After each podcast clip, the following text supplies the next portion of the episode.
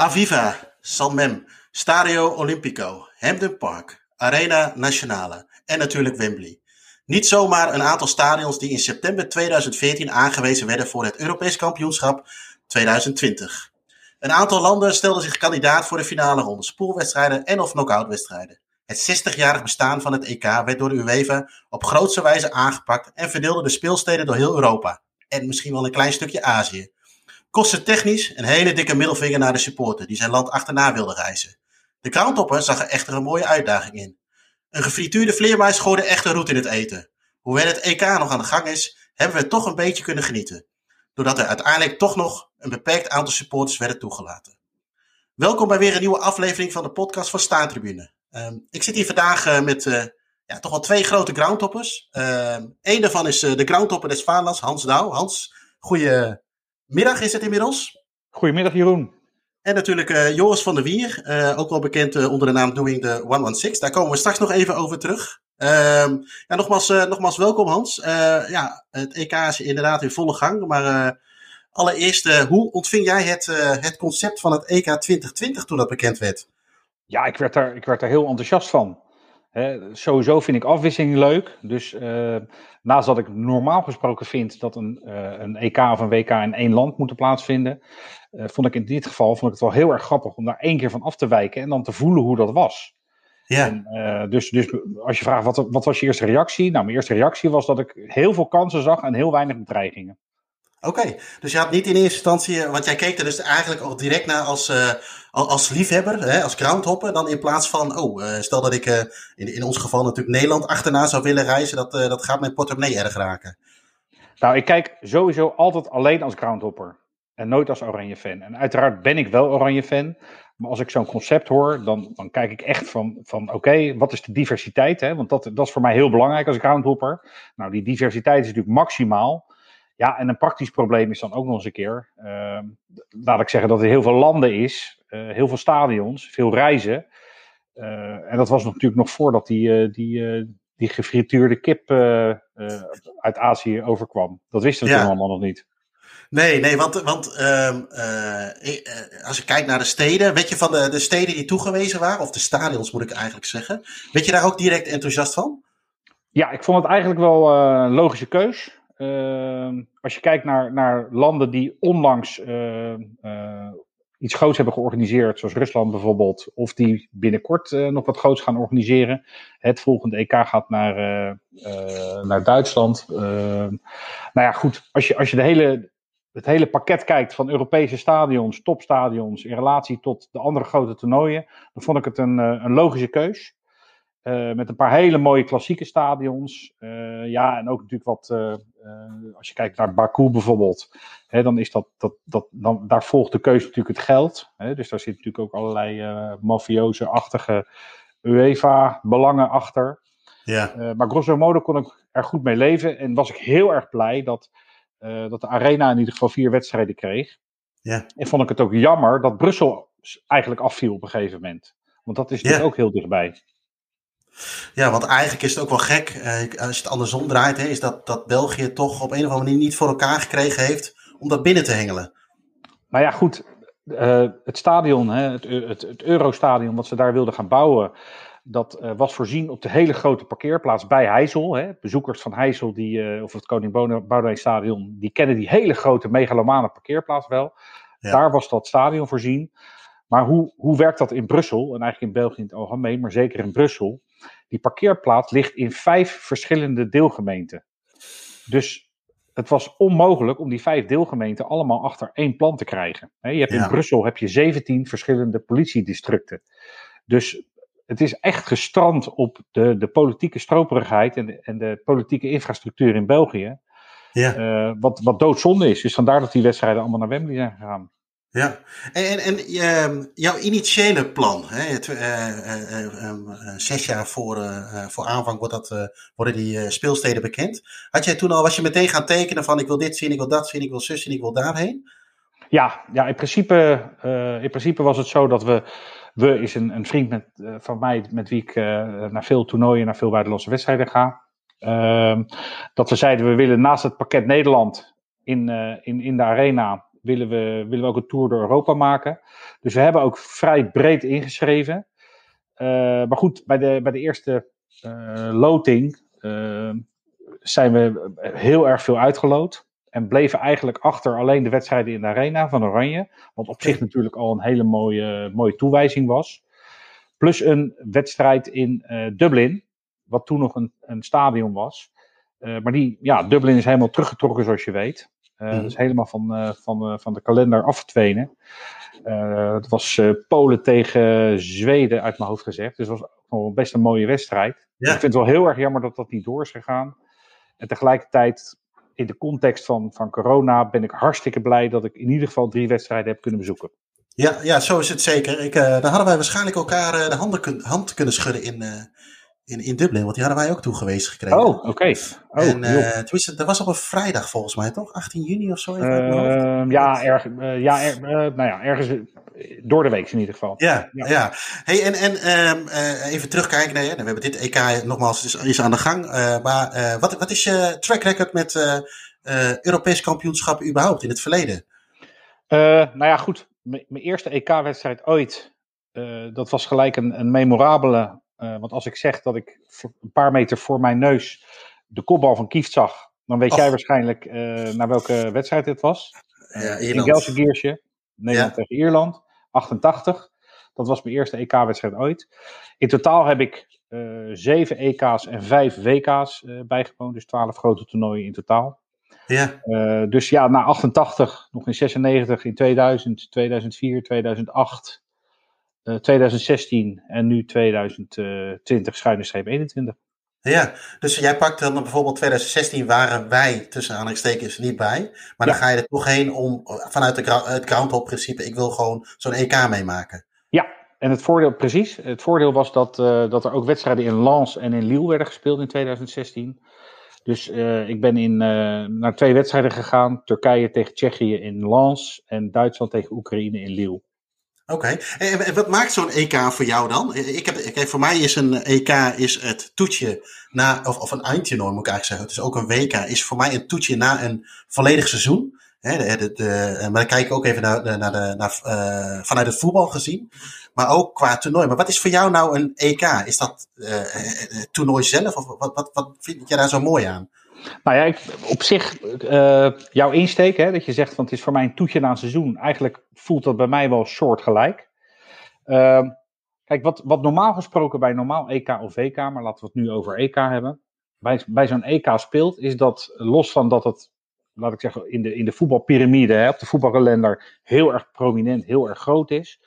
Het mooie van zo'n groot toernooi in een land is dat zo'n heel land staat in feite in brand. Hè? Dus, dus ze zijn trots, uh, alles is versierd, de mensen zijn blij. Er zijn heel veel hele grote wedstrijden op een relatief kleine oppervlakte. Dus je, als het meezit uh, en je hebt ook kaarten toegewezen gekregen, dan kun je ook door zo'n land reizen en kun je op allerlei verschillende plekken kun je die vreugde meemaken kun je die mooie grote wedstrijden meemaken. En het gekke is, uh, Jeroen, dat uh, bij grote wedstrijden, en of dat nou op een groot toernooi is of bijvoorbeeld bij, bij in de Europa Cup, ook, ook buiten het stadion voel je gewoon de grandeur van een bepaald evenement. He, ja. Dus op het moment dat je van het centrum van de stad naar een EK-wedstrijd toe loopt, dan voel je gewoon, ik loop nu naar een EK-wedstrijd. Iedereen die daar dan loopt, zowel de mensen die naar het stadion gaan als de mensen langs de kant, die zorgen voor een soort niet tastbare, maar wel voelbare spanning, dat ja. daar iets groots aan de hand is. En eigenlijk, eerlijk gezegd, zodra je op de luchthaven van een, uh, uh, van een, van een buitenland land, of misschien nog zelfs in sommige gevallen, zodra je op Schiphol arriveert op weg naar een EK of een WK, dan voel je dat. En ja. dat is iets wat je eigenlijk niet kan, kan beschrijven, dat moet je voelen. En dat vind ik het mooie van een EK in een bepaald land. Dat uh, uh, los van de, de, het, het, het, potje van 11 tegen 11 met een bal en twee doelen en een scheidsrechter en, en twee grensrechters. Ja. Dat, uh, dat, dat de hele atmosfeer gewoon grootsheid ademt. En ja. Nou ja, dat, dat vind ik het mooie aan een EK. En het leuke is natuurlijk dat als het EK in een bijzonder land is, of een WK, dat je ook wat van het land ziet dus dat je gelijk in de hoofdstad en misschien in kleinere provinciesteden, dat je rondkijkt en dat je op die manier ook wat van de wereld ziet. Ja, zeker. En had je dat, ja, dat, had je dat gevoel nu ook? Heb je dat gevoel nu ook gehad met toch wel met Amsterdam? Nou, het, het, het opmerkelijke, ja. Kijk, wat lastig is, Jeroen, is om over dit EK te praten op een gemiddelde manier, omdat dit natuurlijk een corona-EK was. Ja. Dus hè, als je in de arena keek, daar waren 14.000 uh, uh, toeschouwers. Hè, 14.000, 15.000 toeschouwers per wedstrijd. Dus dat was een, een hele andere setting. Kijk, normaal gesproken, laten we ervan uitgaan dat, dat het wel vol was geweest. Normaal gesproken, dan, uh, dan, dan staat het hele land in de fik. En dat was nu echt nadrukkelijk niet aan de orde. En dat is ook niet in Duitsland en het is ook niet in, uh, in, in, in, uh, in, in Sevilla. Nee. Uh, het zijn grote wedstrijden, maar heel lokaal, die niet het hele land in brand zetten. Hè. Dus in feite de, de focus is verdund over elf verschillende landen en dat merk je gewoon. Ja. Dus op zich is het wel leuk dat er nu voor één keer eens een keer elf thuislanden zijn. Hè? Want je merkt echt wel, bijvoorbeeld in, in Denemarken, in Parken, hè, heb je heel erg dat thuisgevoel meegekregen. Ja. er zijn andere stadions waar dat ook wel enigszins voelbaar is. Nogmaals, we zitten natuurlijk maar met een beperkte hoeveelheid aanwezigen. In Hongarije hebben we dat natuurlijk heel nadrukkelijk gezien. Hè? Want daar was het. Ferenc Puskas natuurlijk uh, afgeladen vol. Dus, dus dat thuisvoordeel van al die landen is op zich heel erg leuk. Maar echt het, de, de grote olievlekken die zich over de stad en het land uh, uitspreidt, dat hebben we nergens gehad. Want dat zijn ook nee. natuurlijk overal maar plukjes wedstrijden. Hè? Er, is nooit, er is nergens een heel toernooi. Het zijn uh, uh, drie, vier of vijf of zes wedstrijden per uh, speelstad of per land. Ja. dus de impact is gewoon minder. Nee, dat, dat klopt. Ik, ik herken het wel hoor. Ik had zelfs, ik wil misschien nog wel een stapje verder gaan. Natuurlijk zie je de, hetgeen wat op het spel staat, dat voel je wel. Maar is inderdaad wat minder dan, dan, dan voorheen. ik had af en toe zelfs het idee een beetje dat je in Amsterdam drie kwalificatiewedstrijden speelde. Um, ik ben dan ook nog naar Wils Denemarken geweest, ook in Amsterdam. Nou, toen had ik echt een EK gevoeld, los van uh, dat het stadion niet vol zat. Maar de Denen vond ik vrij fanatiek. En ja. Ja, goed, ik ben dan nog naar Rome en Sevilla geweest, daar had ik het ook al. Maar dat, dat komt ook door wat jij net beschreef. Je vliegt ergens heen, je stapt uit, dan zie je dat logo van het EK. En natuurlijk nog niet zoals uh, we in het verleden gewend waren. Maar had je toch een beetje het gevoel. Maar ik had bij die drie wedstrijden van Nederland zoiets van, nou, dat is een uh, thuiswedstrijd voor de EK of WK kwalificatie.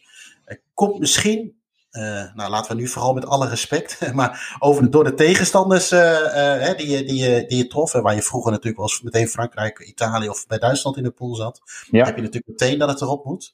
Dus ja, dat had ik ook wel een beetje. Maar ik moet heel eerlijk zeggen, na ehm, Wils Denemarken had ik zoiets oké, okay, nou, nou is het EK echt begonnen. Hè? Dat, de Denen zaten er volop, er waren nog wel zelfs wat mensen uit Wils, dus dat was fantastisch.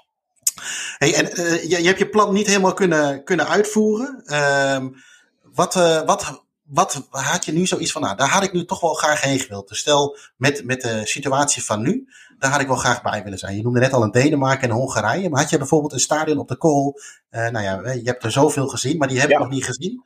Nou ja, daar kan ik heel kort over zijn. Er is één stadion van de elf waar ik nog niet geweest ben. Dat is het stadion in Baku. Ja.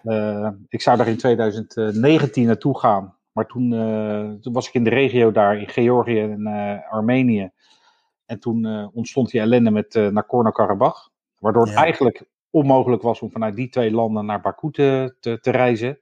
Tien jaar geleden had ik het ook al eens een keer in de planning staan en zelfs helemaal geboekt.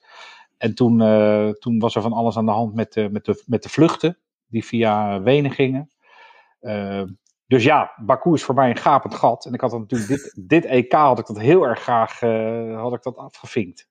Ja, had je hem, uh, of had jij vanwege corona sowieso, stel dat Nederland het gehaald had, de kwartfinale, was het dan een optie voor je geweest? Nou, ik moet heel eerlijk zeggen dat ik uh, de, de, de, afgelopen anderhalf jaar vrij streng ben geweest met, met corona. Ja. Streng met, met het nakomen van de, van de maatregelen. Het heeft mij ook de gelegenheid gegeven om een boek te schrijven. Dus in ja. die zin uh, heeft dat ook wel een soort voordeel uh, opgeleverd. Maar ik, had me eigenlijk voorgenomen van ik ga pas echt reizen als ik helemaal 100% gevaccineerd ben. En uh, nou ja, die wedstrijd in, in Budapest was sowieso te vroeg. En die wedstrijd -hmm. in Baku was in de Twilight Zone. Dus ik heb eigenlijk van tevoren gedacht, nou, wees nou verstandig en zet daar niet op in. Want uh, je bent pas eigenlijk op, uh, nou ja, tussen 1 en, en 5 juli ben je echt helemaal uh, gevaccineerd en veilig. En ik wil dat risico niet lopen. Nee. Uh, wie overigens uh, uh, ook geen risico kon lopen was, was Joris van der Wier. Ik sprak Joris al wat eerder deze week over zijn, zijn ervaringen met het EK in, in Schotland. laten we daar heel eventjes naar gaan luisteren. Joris, goedemiddag. Ja, goedemiddag. Zit het in Schotland, wederom? Ja. jij hebt jouw eerste en volgens mij enige EK Euro of EK 2020 ervaring achter de rug. Ja, zelfs mijn allereerste EK-ervaring. Ik heb nog nooit een EK-wedstrijd gezien in mijn leven. Zelfs niet in Nederland. Normaal, ik heb eigenlijk nooit kaarten. Ik word altijd uitgeloot. En, uh, Maar het is ook altijd, ik had altijd een voorkeur voor clubvoetbal. Of nog steeds. Dan, maar ja, nu het hier zo was, dacht ik zo, uh, ik wil er toch wel uh, iets van zien. Dus, ja, en je, en je hebt mij wel eens verteld, jij bent naar het WK geweest in Rusland. Dat heeft jouw mening daar ook wel een beetje over doen veranderen, toch? Eindtoernooien. Ja, ja dat, was toch, uh, dat was toch wel leuk. Vooral omdat zo'n land, dat is nu natuurlijk anders, maar zo'n land is helemaal bezig met zo'n WK in dat geval. En dat, ja, het was toch wel leuker dan gedacht. Uh. Dus, uh, dus daarom dacht ik, ah, ik wil ik op dit EK-wedstrijden zien. Ik had me voor heel veel dingen ingeschreven, Glasgow, Dublin en zo. Ja. Dus ik weet helemaal niks. Ik weet nooit kaarten. Ik weet niet hoe dat komt. Ik denk dat ik op een zwarte lijst sta of zo. Dus, uh, tweede poging, weer geen kaarten. Derde poging, weer geen kaarten. Dus ik dacht, ah, die haten mij. Maar ik, dat is wederzijds. Ik haat u even ook. Dus uh, zien die mijn tweets en dus weg. Alleen nu, uh, er kwamen kaarten terug. Nou, ik dacht toen Schotland speelde. Ja, die waren heel duur. Ik dacht, ja, er zijn nu zoveel Schotten die er naartoe willen. Ja. Daar ga ik niks, niks mee doen. Dus, uh, maar nu deze kwamen ineens vrij. Ik dacht, oh, die wil ik wel hebben. Nou, die, sympathieke Weva. Die alleen 185 euro kaarten. Dacht, ja. Die ga ik natuurlijk niet kopen. En ineens zag ik de even, shit, die dingen verkopen niet goed. Dus toen hebben ze ook gewoon de goedkope kaart gedaan. Dan had ik er voor 40 euro. Ja, restricted view. Maar ik wist al, bij hen kun je gewoon rondlopen. Dus dan loop ik ja. echt een Nederlander. Dus ik had geen kaart van 50 euro, maar 40 euro. Dus toen ben ik, uh, ik ben met mijn vriendin gegaan. Ja. En, um, ja, toen kon je gewoon een plek uitkiezen waar je kon zitten. Dus uh, ik ben met die Oekraïners gaan zitten. Die waren met best veel man. Ja. Dus, uh, ja, dat was wel, vooral uit Londen. Ik heb er een paar gesproken. Ze van ja, hoe komen jullie hier? En die zei ja, die wonen, die wonen allemaal daar. Er is niemand echt, dat ik weet, overgekomen uit Kiev. Oké. Okay.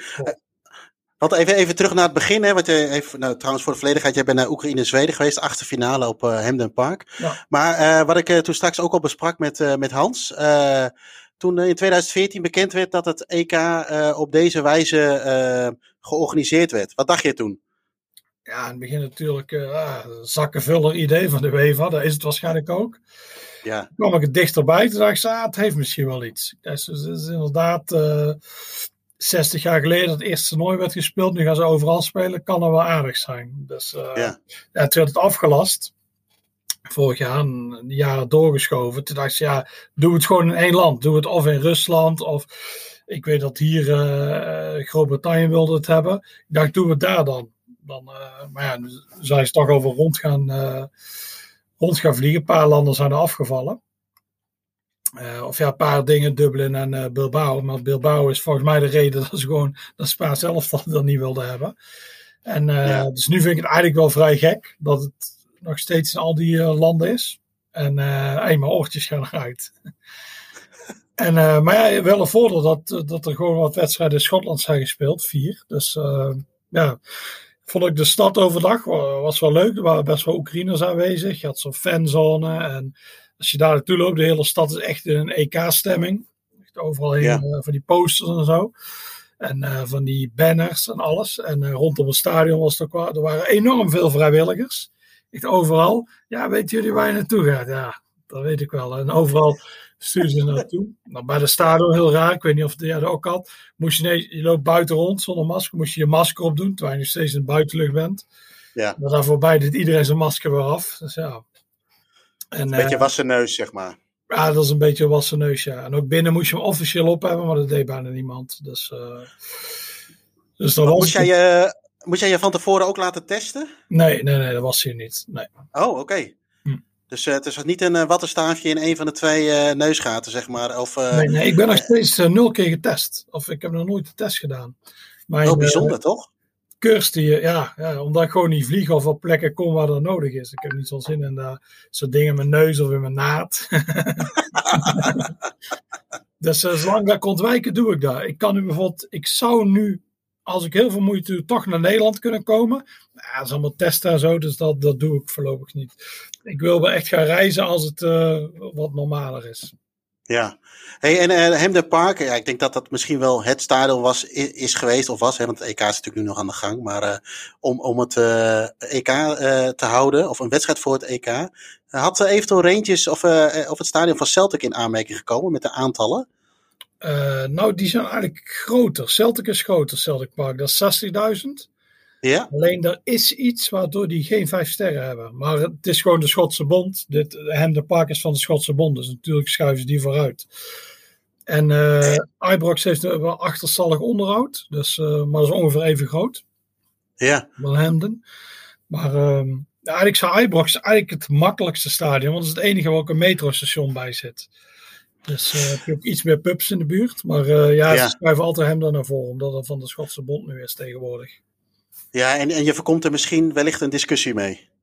Ja, ja, dat zou kunnen zijn. Alleen toen Schotland, uh, toen, Hemden, toen ze niet op Hemden konden spelen in 2014, vanwege die Commonwealth Games, toen heeft Schotland een aantal keer op Celtic Park gespeeld.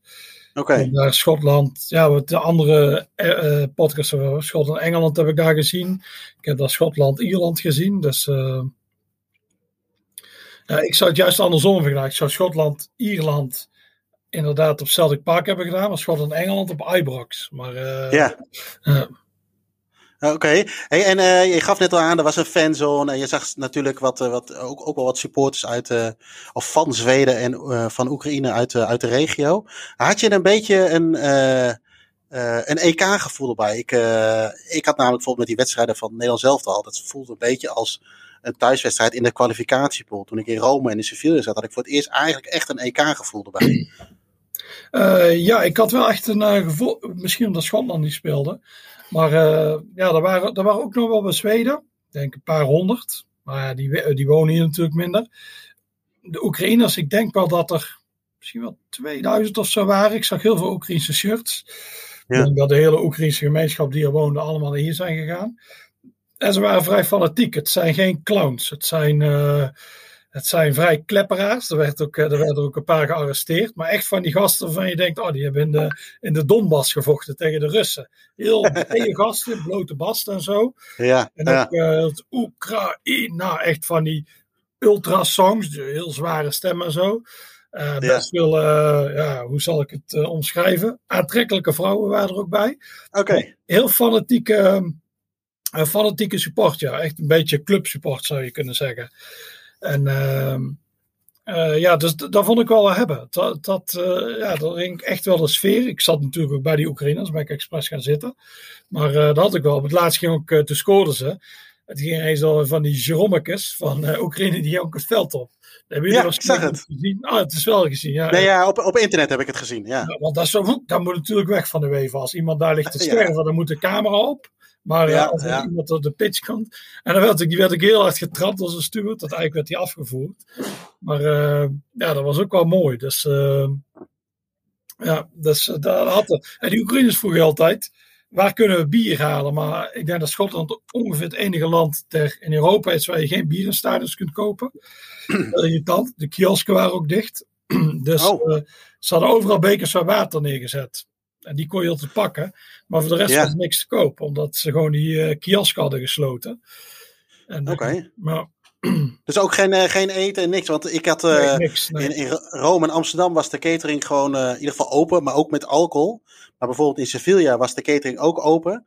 Maar dan moest je, één was het alcoholvrij. En twee moest je het eten achter de tribunes opeten. Daar vond ik wel wat van. Maar, uh, dus dat verschilde dus ook nog bij land, of per land. En in Schotland dus helemaal niks. Nee, maar dat, hey, mag, en dat mag door de, een rel in 1980 uh, op Hemden tussen Celtic en Rangers. Dat was een ja. heel veel klepperij, zoek maar eens op, op uh, bekerfinale. Sindsdien is alcohol bij voetbalwedstrijden verboden. Maar dat is heel irritant, okay. want dat is natuurlijk al 41 jaar geleden. En stel, ja. de rugbier speelde ook dit weekend. Uh, Murrayfield. En daar kon je wel allemaal alcohol halen en zo. Het is heel gek. Je mag zelfs op het vierde niveau, dus dan ga je naar Ennen Athletic tegen ja, Albion Rovers. Daar komen yeah. 400, 500 man, maar dan mag je geen alcohol, uh, dan verkopen ze geen alcohol. Huh.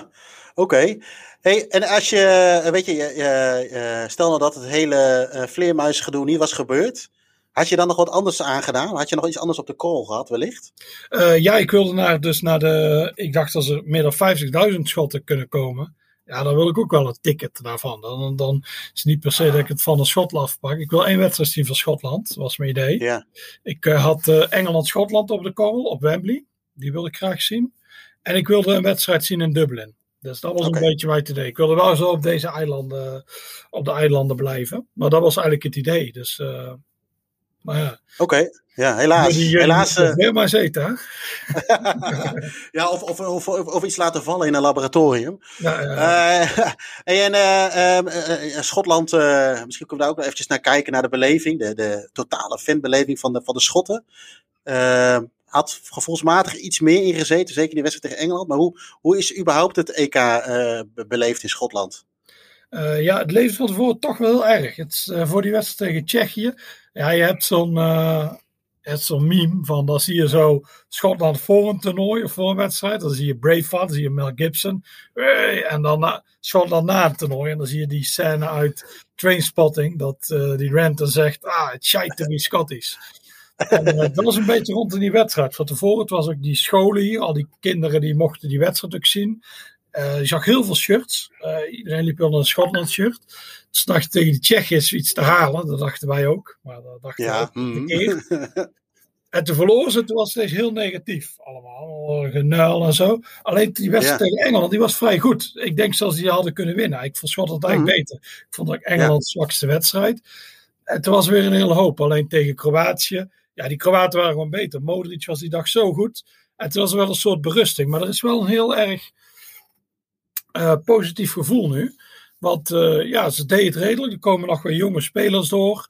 En uh, alleen het jammer is dat het allemaal linksback zijn. Ja, die Tierney, ja, die Robertson, je hebt die, die Hickey. Dus er zijn drie linksbacks. En je hebt ja. heel veel centrale middenvelders. Dus die Billy Gilmore, McGinn heb je. Je hebt die Turnbal. Dus het is een beetje een probleem. Ze eigenlijk allemaal op dezelfde positie spelen. Maar er is ja. wel wat hoop. Ik denk ook zo Misschien is het WK. Ik geloof dat ze bij Denemarken en Oekraïne en zo in de pool zitten. Dat wordt iets Ja. lastig om dat te halen. Maar het EK erop, ja, het 24 landen. Ik zie het best wel zitten dat ze weer Ja. gaan. En dat wordt wel mooi, want Duitsland is een stuk dichtbij. En als Ja. die Chinezen nou gewoon eens van die dieren af, van die bijzondere dieren afblijven. En we hebben een EK, nou dan zie ik wel een hele, een hele ja, een volksverhuizing van Schotland hier. Ik denk wel, ik denk dat het heel goed is geweest hier dat ze weer een eindtoernooi hebben gehaald. Want, eh, oh nee, dat is ook heel vervelend. Er werd gezegd, er is een, voor het eerst in 23 jaar zijn we een eindtoernooi. Maar de Schotse vrouwen die waren op een WK, volgens mij in 2019. Dus heel moest, moest er iemand bij zeggen, ja nee, dat is niet waar. Twee jaar geleden waren we tot WK. En dan zo, oh, dat is toch, noem het dan man of vrouwen WK. Je ziet ook iedereen heel, is heel bang vanwege het woke gebeuren. Zie je zegt bij 23 jaar, sinds we op een mannentoernooi waren, zegt iedereen. Nou ja, verschrikkelijk. Ja, ja, ja, ja, ja. Echt, oh. Maar, ehm, maar ik denk wel dat het heel goed is geweest voor het land. Dat er echt weer een beetje, ah, mensen staan achter Schotland. En ehm, ja, dat is wel goed. Hey, en eh, even als laatste vraag, eh, Joris. Eh, hoe ziet de verdeling eruit van de Schotten onderling qua clubvoorkeuren? Zijn het net zoals in Engeland vooral de kleine clubs die Engeland volgen? Ja, ja, ja. En in Schotland hetzelfde? Ja, het zijn heel veel fans. de fans van de Old Firm, over het algemeen, komen die niet daar naartoe. En die zijn ook niet echt fanatiek ervoor. Bij Celtic heb je natuurlijk veel fans die zijn voor Ierland. En Mhm. bij ehm, Rangers heb je veel fans die zijn voor Engeland. Dus, dus die vallen van af. En ik denk, zelfs, ik denk vooral dat bij Rangers dat je echt heel weinig Schotland-fans hebt. Bij Celtic, ik kom wel als een Celtic-fan tegen bij Schotland. Maar Rangers Ja. zie je echt bijna niet. Nee, nee. Dus, eh, Oké. het, het is eh, inderdaad Motherwell, Aberdeen. Heel veel mensen uit de Highlands die komen. Eh, ik was bij de John O'Groats. Nou, daar, daar kwam ik drie mensen tegen die inderdaad schot elftal volgen. Maar Motherwell volgen het. Uh, bij Hearts en Hips ken ik veel Schotland-fans. Dus, uh, maar het is gewoon de grote clubs niet. Die, of de twee uit Glasgow niet. Daar heb je er weinig. Oké. Hey, nou, ik, ik, zei net laatste vraag, maar er schiet me er nog eentje te binnen. Maar jij zit dus eigenlijk met smart wel te wachten op het EK. Dan moet ik even snel rekenen. Het is 2024. Ja. waar moet een EK aan voldoen voor een groundhopper? Zoals jij. ja, ja, dat is eigenlijk aan. Het is, Hans kan dat beter uitleggen, inderdaad. Want ik ben niet echt een eindtoernooi. Of ik was geen eindtoernooivinker, zal ik zeggen. Want sinds Rusland heb ik wel de smaak te pakken. Qatar laat ik wel liggen, dat, vind ik niks. Dus, uh, uh, maar, Niet? Nee, nee, dat vind ik echt helemaal niks. ja. Uh, jij vindt het heel leuk daar, dus dan moet je vooral naartoe gaan. Maar dat spreekt niet aan. Dat is nee. gewoon om, om verschillende redenen. Maar Duitsland is natuurlijk wel mooi. Dus ik denk dat ik daar wel uh, wat wedstrijden mee ga pakken. En het maakt me eigenlijk ook helemaal niks uit welke wedstrijden. Want ik kreeg op Twitter een reactie: Oh, Zweden, Oekraïne. Oh, dat, dat, is ook meteen een topaffiche. Maar dat maakt me niks uit. Ik vond in Rusland heb ik. Uh, uh, Saudi-Arabië, Uruguay gezien. Nou, dat is nu niet echt iets waar je stijven van krijgt. En IJsland, Nigeria. Maar ja. die wedstrijd is echt, dat is echt, dat is de opvulling. Het is ook deze dag in Glasgow. Ik ging met Kirsty, we gingen van tevoren naar de Deunerhaus. Dat is een aanrader als je er ooit bent. Die hebben heel goede Duitse braadworsten en deuner. En, en we gingen daartoe omdat uh, ja, we gaan in iets Duits zitten, omdat het Duitsland-Engeland was. Dus, uh, en als de dag, uh, we zijn het stadion gelopen. Ik, ik ben nog gestopt bij Catkin Park en bij, die, bij het allereerste Hemden, wat nu een bowling cup is, waar je een mural hebt. Dus je hebt zo'n hele dag omheen. Dan sta je daar buiten. Uh, dan lul je wel met die fans. En uh, ik had ook uh, Zweedse fans die vroegen of ik een foto wilde maken. Dus ik vroeg, ah, jullie vanuit Zweden hier? En ze nee, nee, we zijn Schotten uit vijf. Alleen we supporten Zweden. Dus je hebt eigenlijk alles eromheen. Vind ik dan leuk. En de Oekraïnse fans. Ja. De wedstrijd maakt me niet zoveel uit. En dat is in Duitsland ook niet. Ik denk dat ik gewoon ergens... Ja, ik weet het nog niet waar ik dan wel ga zitten. Maar misschien nee. Leipzig, Berlijn. Of gewoon die, daar in het Roergebied. Ja, je daar weer wedstrijden ziet. Dus uh, gewoon, ik vind die sfeer heel leuk. Ik, ik zag ook uh, de Bels, die we allebei kennen, Dimitri. Die was naar München gereden, maar die had geen kaarten meer. Want dat was Duitsland-Portugal. Die werd natuurlijk afgepakt door de UEFA. Die is daarna doorverkocht voor uh, 200 euro. Maar gewoon zo'n dag daar was ook wel leuk. En het is gewoon die hele sfeer rondom zo'n toernooi vind ja. ik wel iets hebben. Ik blijf nog steeds echt wel een clubvoetbalfan. Ik vind een clubvoetbal derby is veel intenser dan dan zoiets. En vooral die, ja, ik zag ze weer bij Nederland, die clowns. En je ziet ook dan België zo gast met een atonium op zijn hoofd. En, uh, maar je hebt ook van landen, die hebben echt wel fanatieke fans. En het viel me op dat ja. heel veel ne bij Nederland, dat er echt heel veel, jij bent daar geweest, maar best veel clubfans die ik ken, die er ook naartoe zijn. Dus je kunt het gewoon terugkapen, denk ik. Als je wil. Ja, en ik denk. En ik, ik, ja, je kunt continu echt klagen erover, maar je kunt er ook iets aan doen. Ja. Nou, en ik denk dat het uh, prima, wij spreken 50-50 kan. Hè? Ieder, ieder ja. zijn dingen daarin. Uh, al denk ik wel dat het mooier is, dat zag je wel bij de Hongaren bijvoorbeeld in, in Budapest, wat zo'n vak achter, achter de goal doet, zeg maar. Ja. de Tsjechen hadden volgens mij ook wel een fanatiek stukje. Dat ligt misschien ook wel een beetje aan het, de regio van, van Europa.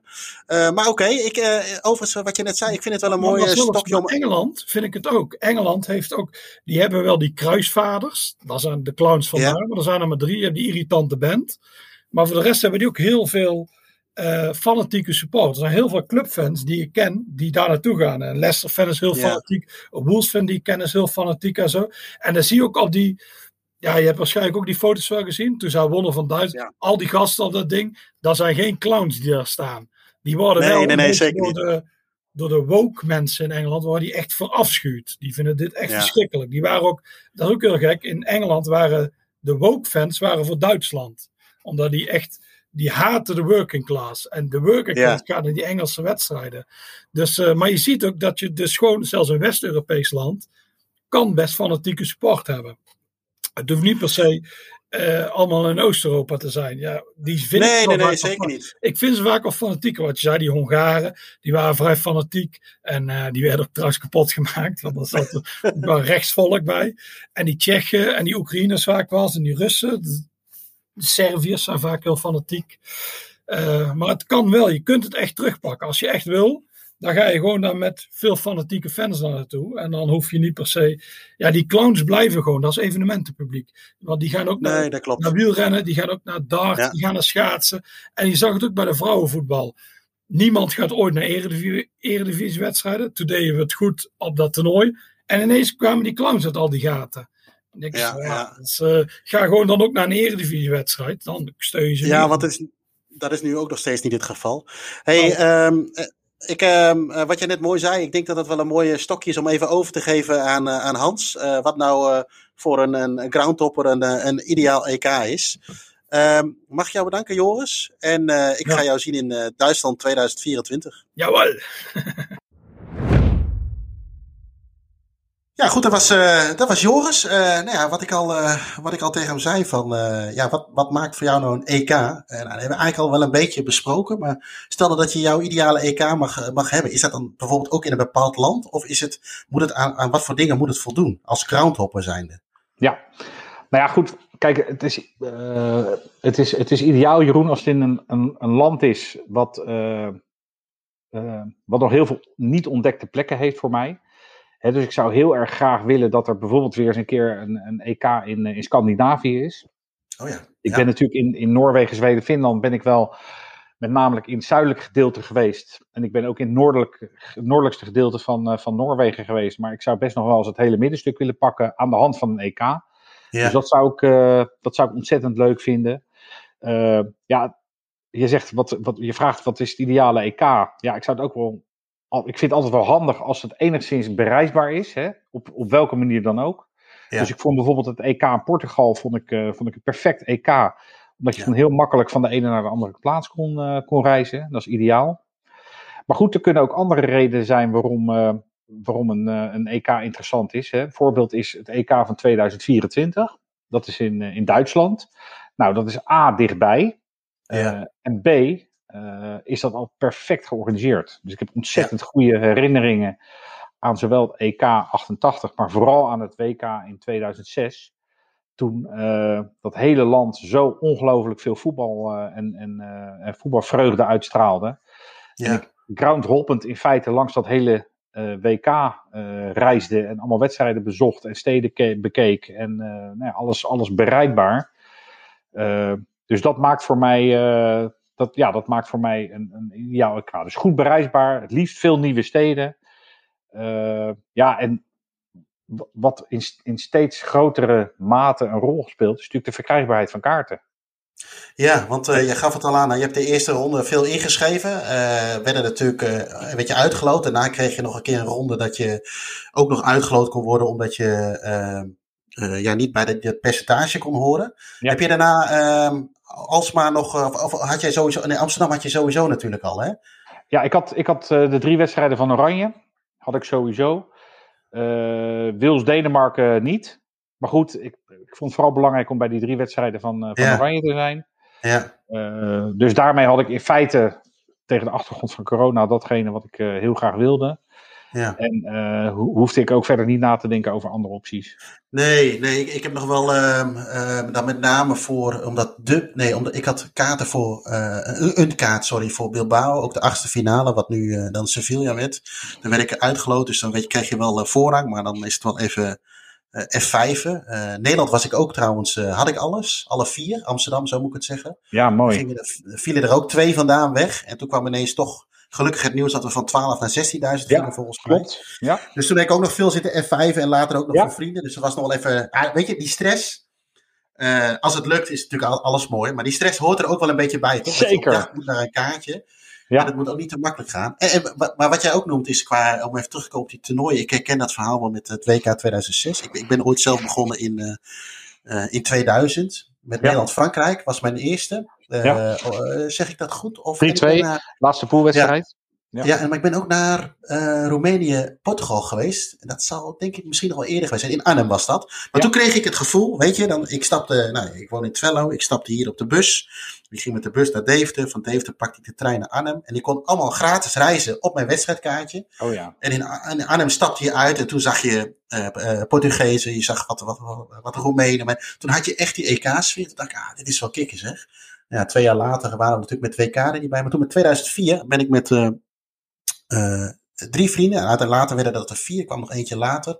Hebben we eigenlijk op de Bonnefoy, uh, drieënhalve week zal het dan zo'n beetje geweest. En drie, drieënhalve week Nederland gevolgd. Ja, en, dat was ook in die tijd toen mijn, mijn zomervakantie. We hadden niet overal kaarten voor, wel wat nog op de zwarte markt kunnen ronselen. Waaronder die openingswedstrijd tegen die verschrikkelijke openingswedstrijd trouwens, tegen die, tegen die Duitsers. 1-1, ja. Ja, en weet je, dan ronsel je drie kaarten voor 350 euro. En dan denk je, nou, weet je, is een hoop geld, maar is toch vakantie. Maar die, die hele trip, als ik daar nu nog aan terugdenk, uh, op zoek naar kaartjes. Sommige hadden we hopen dat Nederland doorkwam. Nou, we zaten natuurlijk een beetje uh, kantje boord naar, uh, naar Tsjechië, die, wederom Tsjechië. En, maar toen die vreugde naar Letland, hè, toen hadden ze in Braga hadden ze ook nog dat festival met die hamertjes, zal ik ook nooit vergeten. Daar heb ik er wel eens een keer wat over getweet. Klopt. Ja. En, en daarna ook de teleurstelling, maar eigenlijk werd onze vakantie steeds verder verlengd totdat, ze eruit, totdat we uitgeschakeld zouden worden. En toen hebben we ook eigenlijk, dat zal ik ook niet vergeten, verloren nou, dat zag ik later pas. Ik denk een jaar later pas. Vrij terecht van Portugal vond ik op dat moment niet. Maar dat was meer de teleurstelling, denk ik. Uh, omdat we ook kaarten voor de finale hadden. Toen hebben we ook meteen, diezelfde avond hebben we uh, geboekt. En zijn we via Malaga weer naar huis gegaan. Maar die, die, hele trip, moet je voorstellen, drie jongen. Ik was 24, mijn vrienden waren iets ouder dan ik. Eén tas met kleding, één tas met, uh, met een tentje voor, waar je dan ook terecht komt. En in een Toyota Yaris met z'n vieren. je was je was blij als je mocht rijden, want dan had je de meeste ruimte. Maar dat, dat, is, dat, is, dat is een EK. En, en ik denk dat dat straks in Duitsland ook weer prima kan. Want ik, aan 2006 hou ik ook hele warme herinneringen over. Omdat alles eigenlijk gewoon perfect geregeld was. Maar Jeroen, zoals jij dus beschrijft hoe jij, hoe jij dat toernooi door bent gekomen. Ja, beter gaat het gewoon niet worden. Nee, nee, dat denk ik ook niet. Ik denk, uh, weet je, ik heb nog wel wat, uh, wat jij ook zegt, wat me ook leuk lijkt, is inderdaad de Scandinavië, maar bijvoorbeeld ook een, een toernooi in het, uh, in het oude Oostblok. Daar hebben we natuurlijk een keer gehad met Oekraïne en, en Polen, maar daar ben ik niet geweest. Maar ik moet ook denken aan bijvoorbeeld Turkije bijvoorbeeld. Lijkt me ook wel iets ja. hebben op een of andere manier. Ja, ja. En, maar, maar, ja, maar inderdaad, dat is het, dat is het mooiste. maar dan wil ik nog iets verder terug. Je had het net over 88 als, als, als toeschouwer. Was Ierland de enige wedstrijd of heb je nog meer gezien? Die, ja, Ierland, Ierland, was uiteindelijk de enige wedstrijd. Wat, ja. wat, hoe ging dat? Kijk, nu, jij noemt net inderdaad kaarten, wordt steeds moeilijker, uh, steeds duurder ook. Hè? Uh, maar hoe, hoe ging dat toen? Met die kaarten? Ja. Nou, dat was, uh, die, die kaartverkoop voor het EK 88, dat, was, dat, heb ik, dat is zo bizar, dat heb ik daarna nooit meer meegemaakt. Dat was op een gegeven moment op een zaterdag in, in Zeist bij de KVB, zou de kaartverkoop voor Nederland zijn. Vanaf pak een beet 11 uur of zo. Mm -hmm. ergens in, in maart, voordat, maart 88. En ik rijd met een vriend naar, uh, naar Zeist. En we komen daar aan, we parkeerden. We zagen door het hele Zeisterbos, waar nu de campus ligt, zagen we al een enorme uh, slurf van mensen staan. En die slurf die ging helemaal uh, over de weg en zo om de tribune heen, over het veld. En die eindigde bij een heel klein, piepklein kantinetafeltje met twee mensen erachter. Met een kistje met geld en met een stapel kaarten. En dat was de kaartverkoop voor de EK.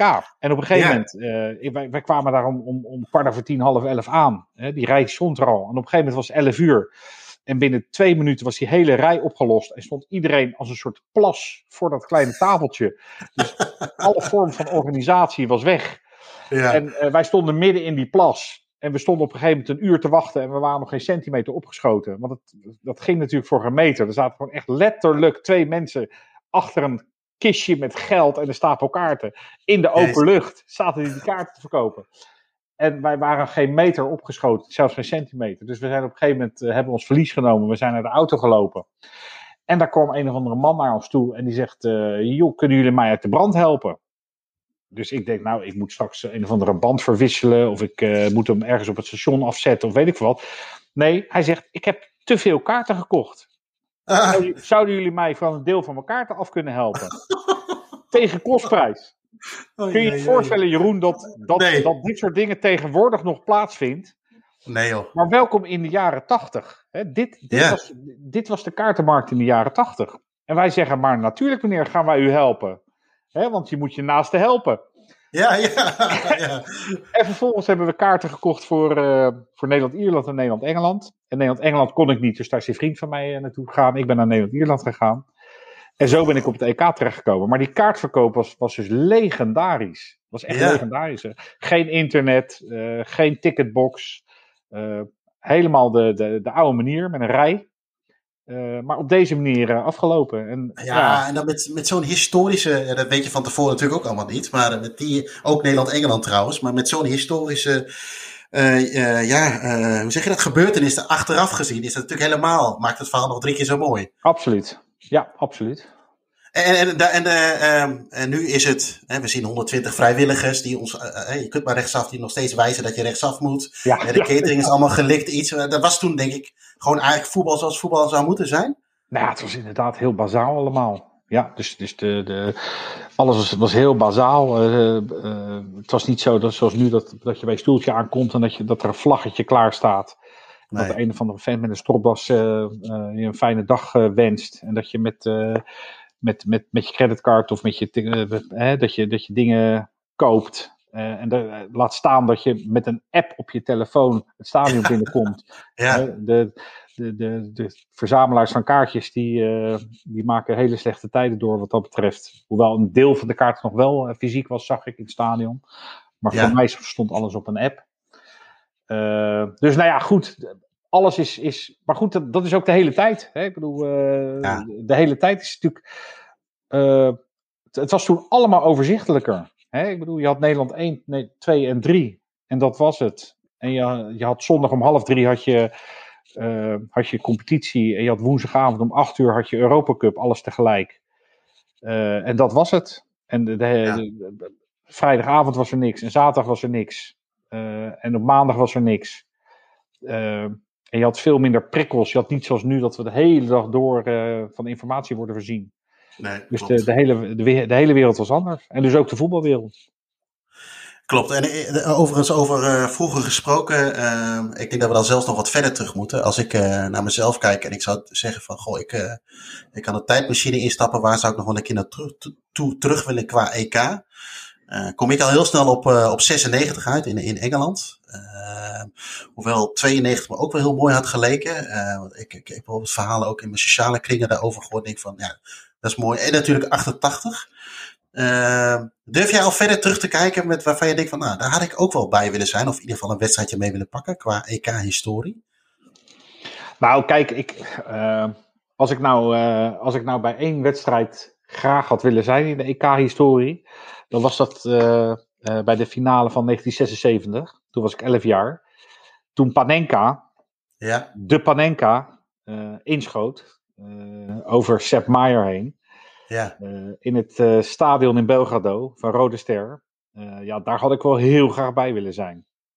Had je ja. mooie gebeurtenis, hè? De, de, de, geboorte ook van de, van de, de Panenka. Panenka. Ja. ja. en nog tegen de Duitsers ook nog. En ja, uh, ja want toen waren het toernooi natuurlijk nog veel, uh, veel kleiner dan, uh, dan dat het Klopt. nu is. Ja, dat, dat, is wel een goede. Vier deelnemers.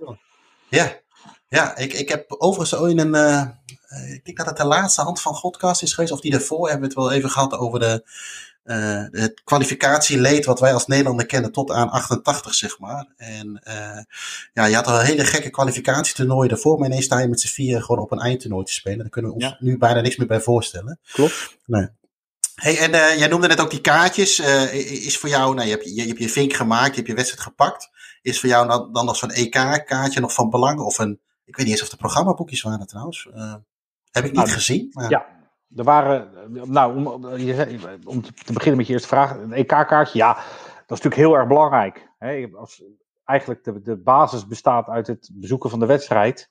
Ja. En uh, een kaartje en een programmaboekje. Hè? Dat, dat zijn de, de, de basisdingen waarvan ik altijd wel hoop dat ik die uh, daar tegenaan loop en die kan bewaren. Uh, dus in dit geval was dat heel erg jammer dat dat anders, anders liep. Ja. Programmaboekjes waren er inderdaad. Dus je, okay. had, uh, je had voor het hele een soort overkoepelend magazine van de UEFA, het UEFA, het EK-magazine. Dat was uh, uh, eigenlijk over alle speelsteden en over alle schema's heen. En dan had je per speelstad had je een programmaboekje. En die kon je dan kopen in, de, ja, in het shopje bij het stadion. Ze hadden oh. in, de, in de arena hadden ze drie kleine, kleine official merchandise shopjes ja. Uh, in caravans. Uh, en daar kon je ze kopen.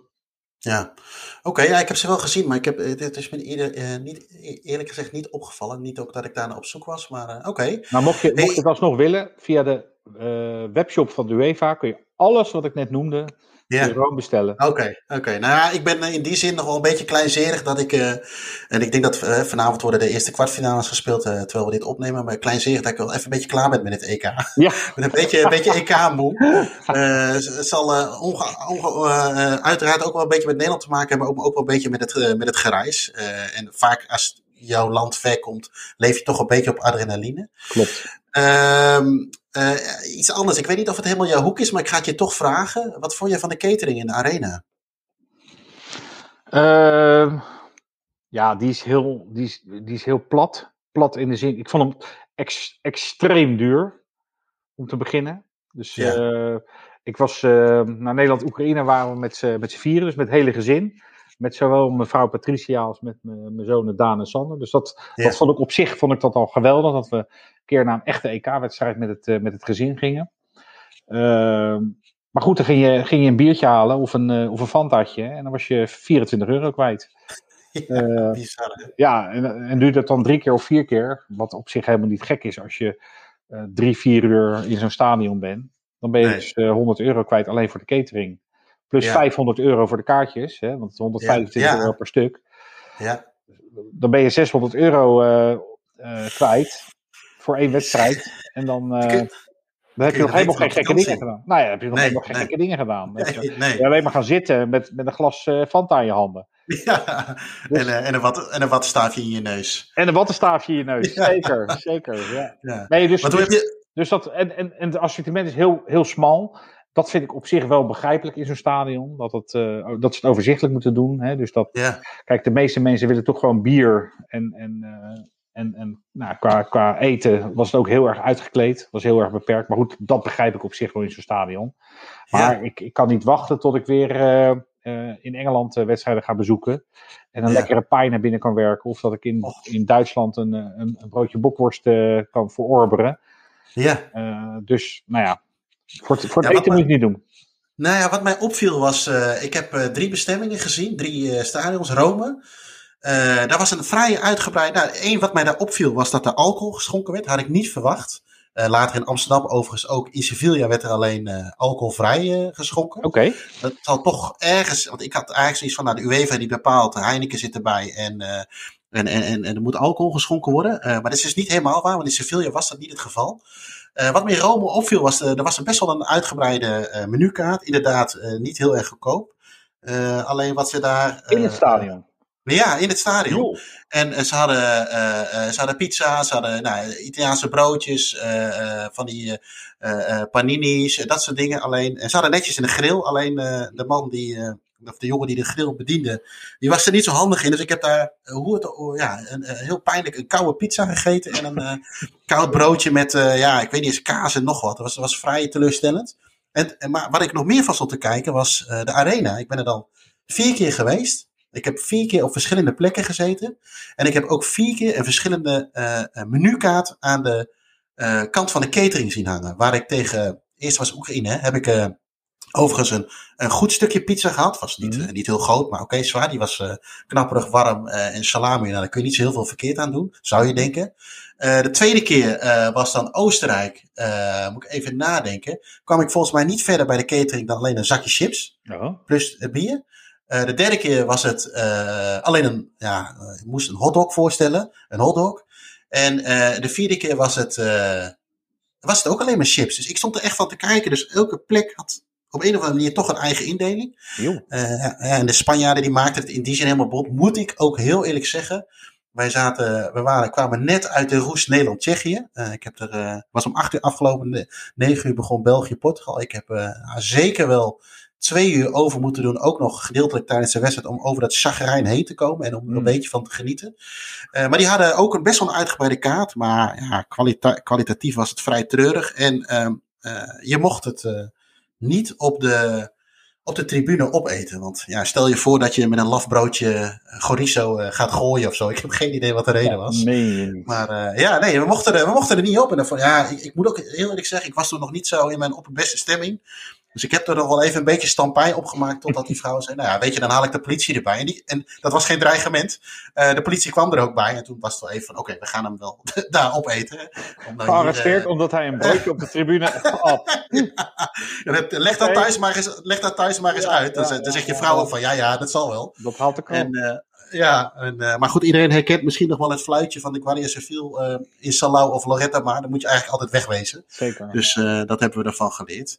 Nou ja, ik, ik, ik, um, um, ik vond het een, ja, uiteindelijk weer een, in die zin ook een mooie ervaring in het algemeen, omdat je ook uiteindelijk natuurlijk weer, weer naar de voetbal kon. Ja, en ik, Jeroen, wat jij zegt dat de catering in, in, in Rome goed was. Dat is al breaking news voor groundhoppers. Want uh, Spanje en Italië die staan heel slecht bekend. En ja, zuidelijke ja. landen. Als het ja. gaat om voetbalcatering.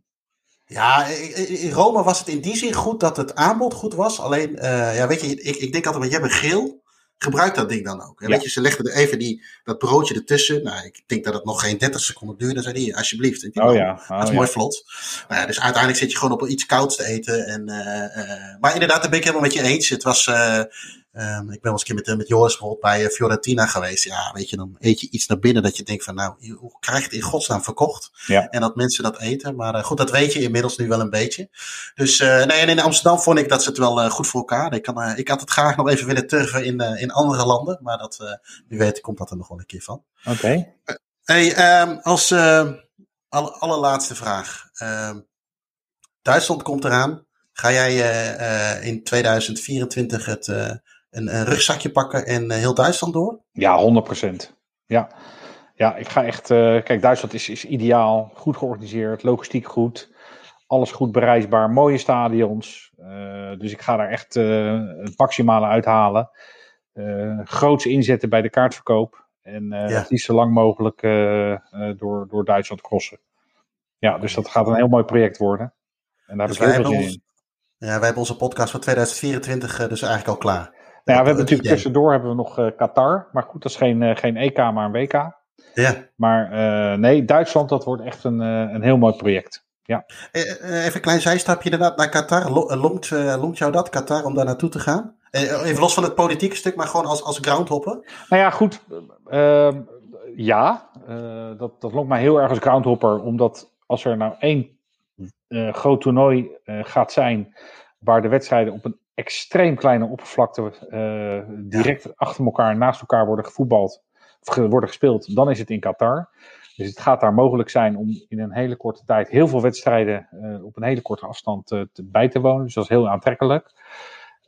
dat is volgend jaar al, hè, dus dat is gigantisch ja. snel eigenlijk. Dus die hele kalender is natuurlijk in elkaar gedrukt.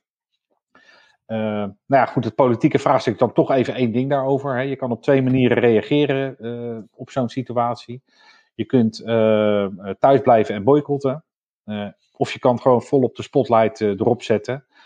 En wat mij betreft heb ik respect voor beide aanvliegroutes. Dus mensen die zeggen ja. je, moet, je moet staken, je moet niet gaan, daar heb ik respect voor. Want dat, is, dat, dat sorteert effect. Maar andere mensen die zeggen van joh, je moet juist gaan, je moet er juist over schrijven, je moet het juist in beeld brengen, daar heb ik ook respect voor. En als je nou ja. ziet bijvoorbeeld in, in Budapest hoe groot en meeslepend mondiaal gezien er ingezoomd is op, uh, op de wetgeving in uh, Hongarije, die natuurlijk heel abject is, hè, laat dat duidelijk zijn. Dan denk ik van ja, dat is toch te danken aan het feit dat we daar met z'n allen naartoe zijn gegaan. Dat al die aandacht daarvoor is gekomen. En dat al die ja. regenbooguitingen er zijn geweest door alle landen heen. Uh, en als we dat geboycott hadden, dan was dat stilzwijgend voorbij gegaan. Ja. dus nou ja, om een lang verhaal kort te maken, ik, ik wil heel graag naar Qatar en uh, ben heel erg benieuwd hoe dat gaat zijn. Is een, uiteindelijk is het een landenvink, hè, als we hem zo mogen afsluiten. Zeker weten. ja. Hey, Hansen, mag ik jou weer bedanken voor jouw tijd en voor, jou, voor jouw mooie herinneringen. Um, bedankt voor het luisteren naar deze aflevering van de podcast van Staantribune. Nogmaals Hans, dankjewel. Jij bedankt. Um, Mochten jullie tips, ideeën, opmerkingen of vragen hebben, dan, uh, dan horen wij dat uiteraard graag. Uh, al die zaken kun je weer mailen naar uh, podcast.staantribune.nl. Nou wat we ook zouden leuk vinden is als je abonneert op ons podcastkanaal. Maar ook als je dit nou een hele toffe podcast vindt, zouden we het leuk vinden als jij een recensie wil achterlaten op iTunes bij onze podcast. En dan zou ik eigenlijk zeggen, tot de volgende keer.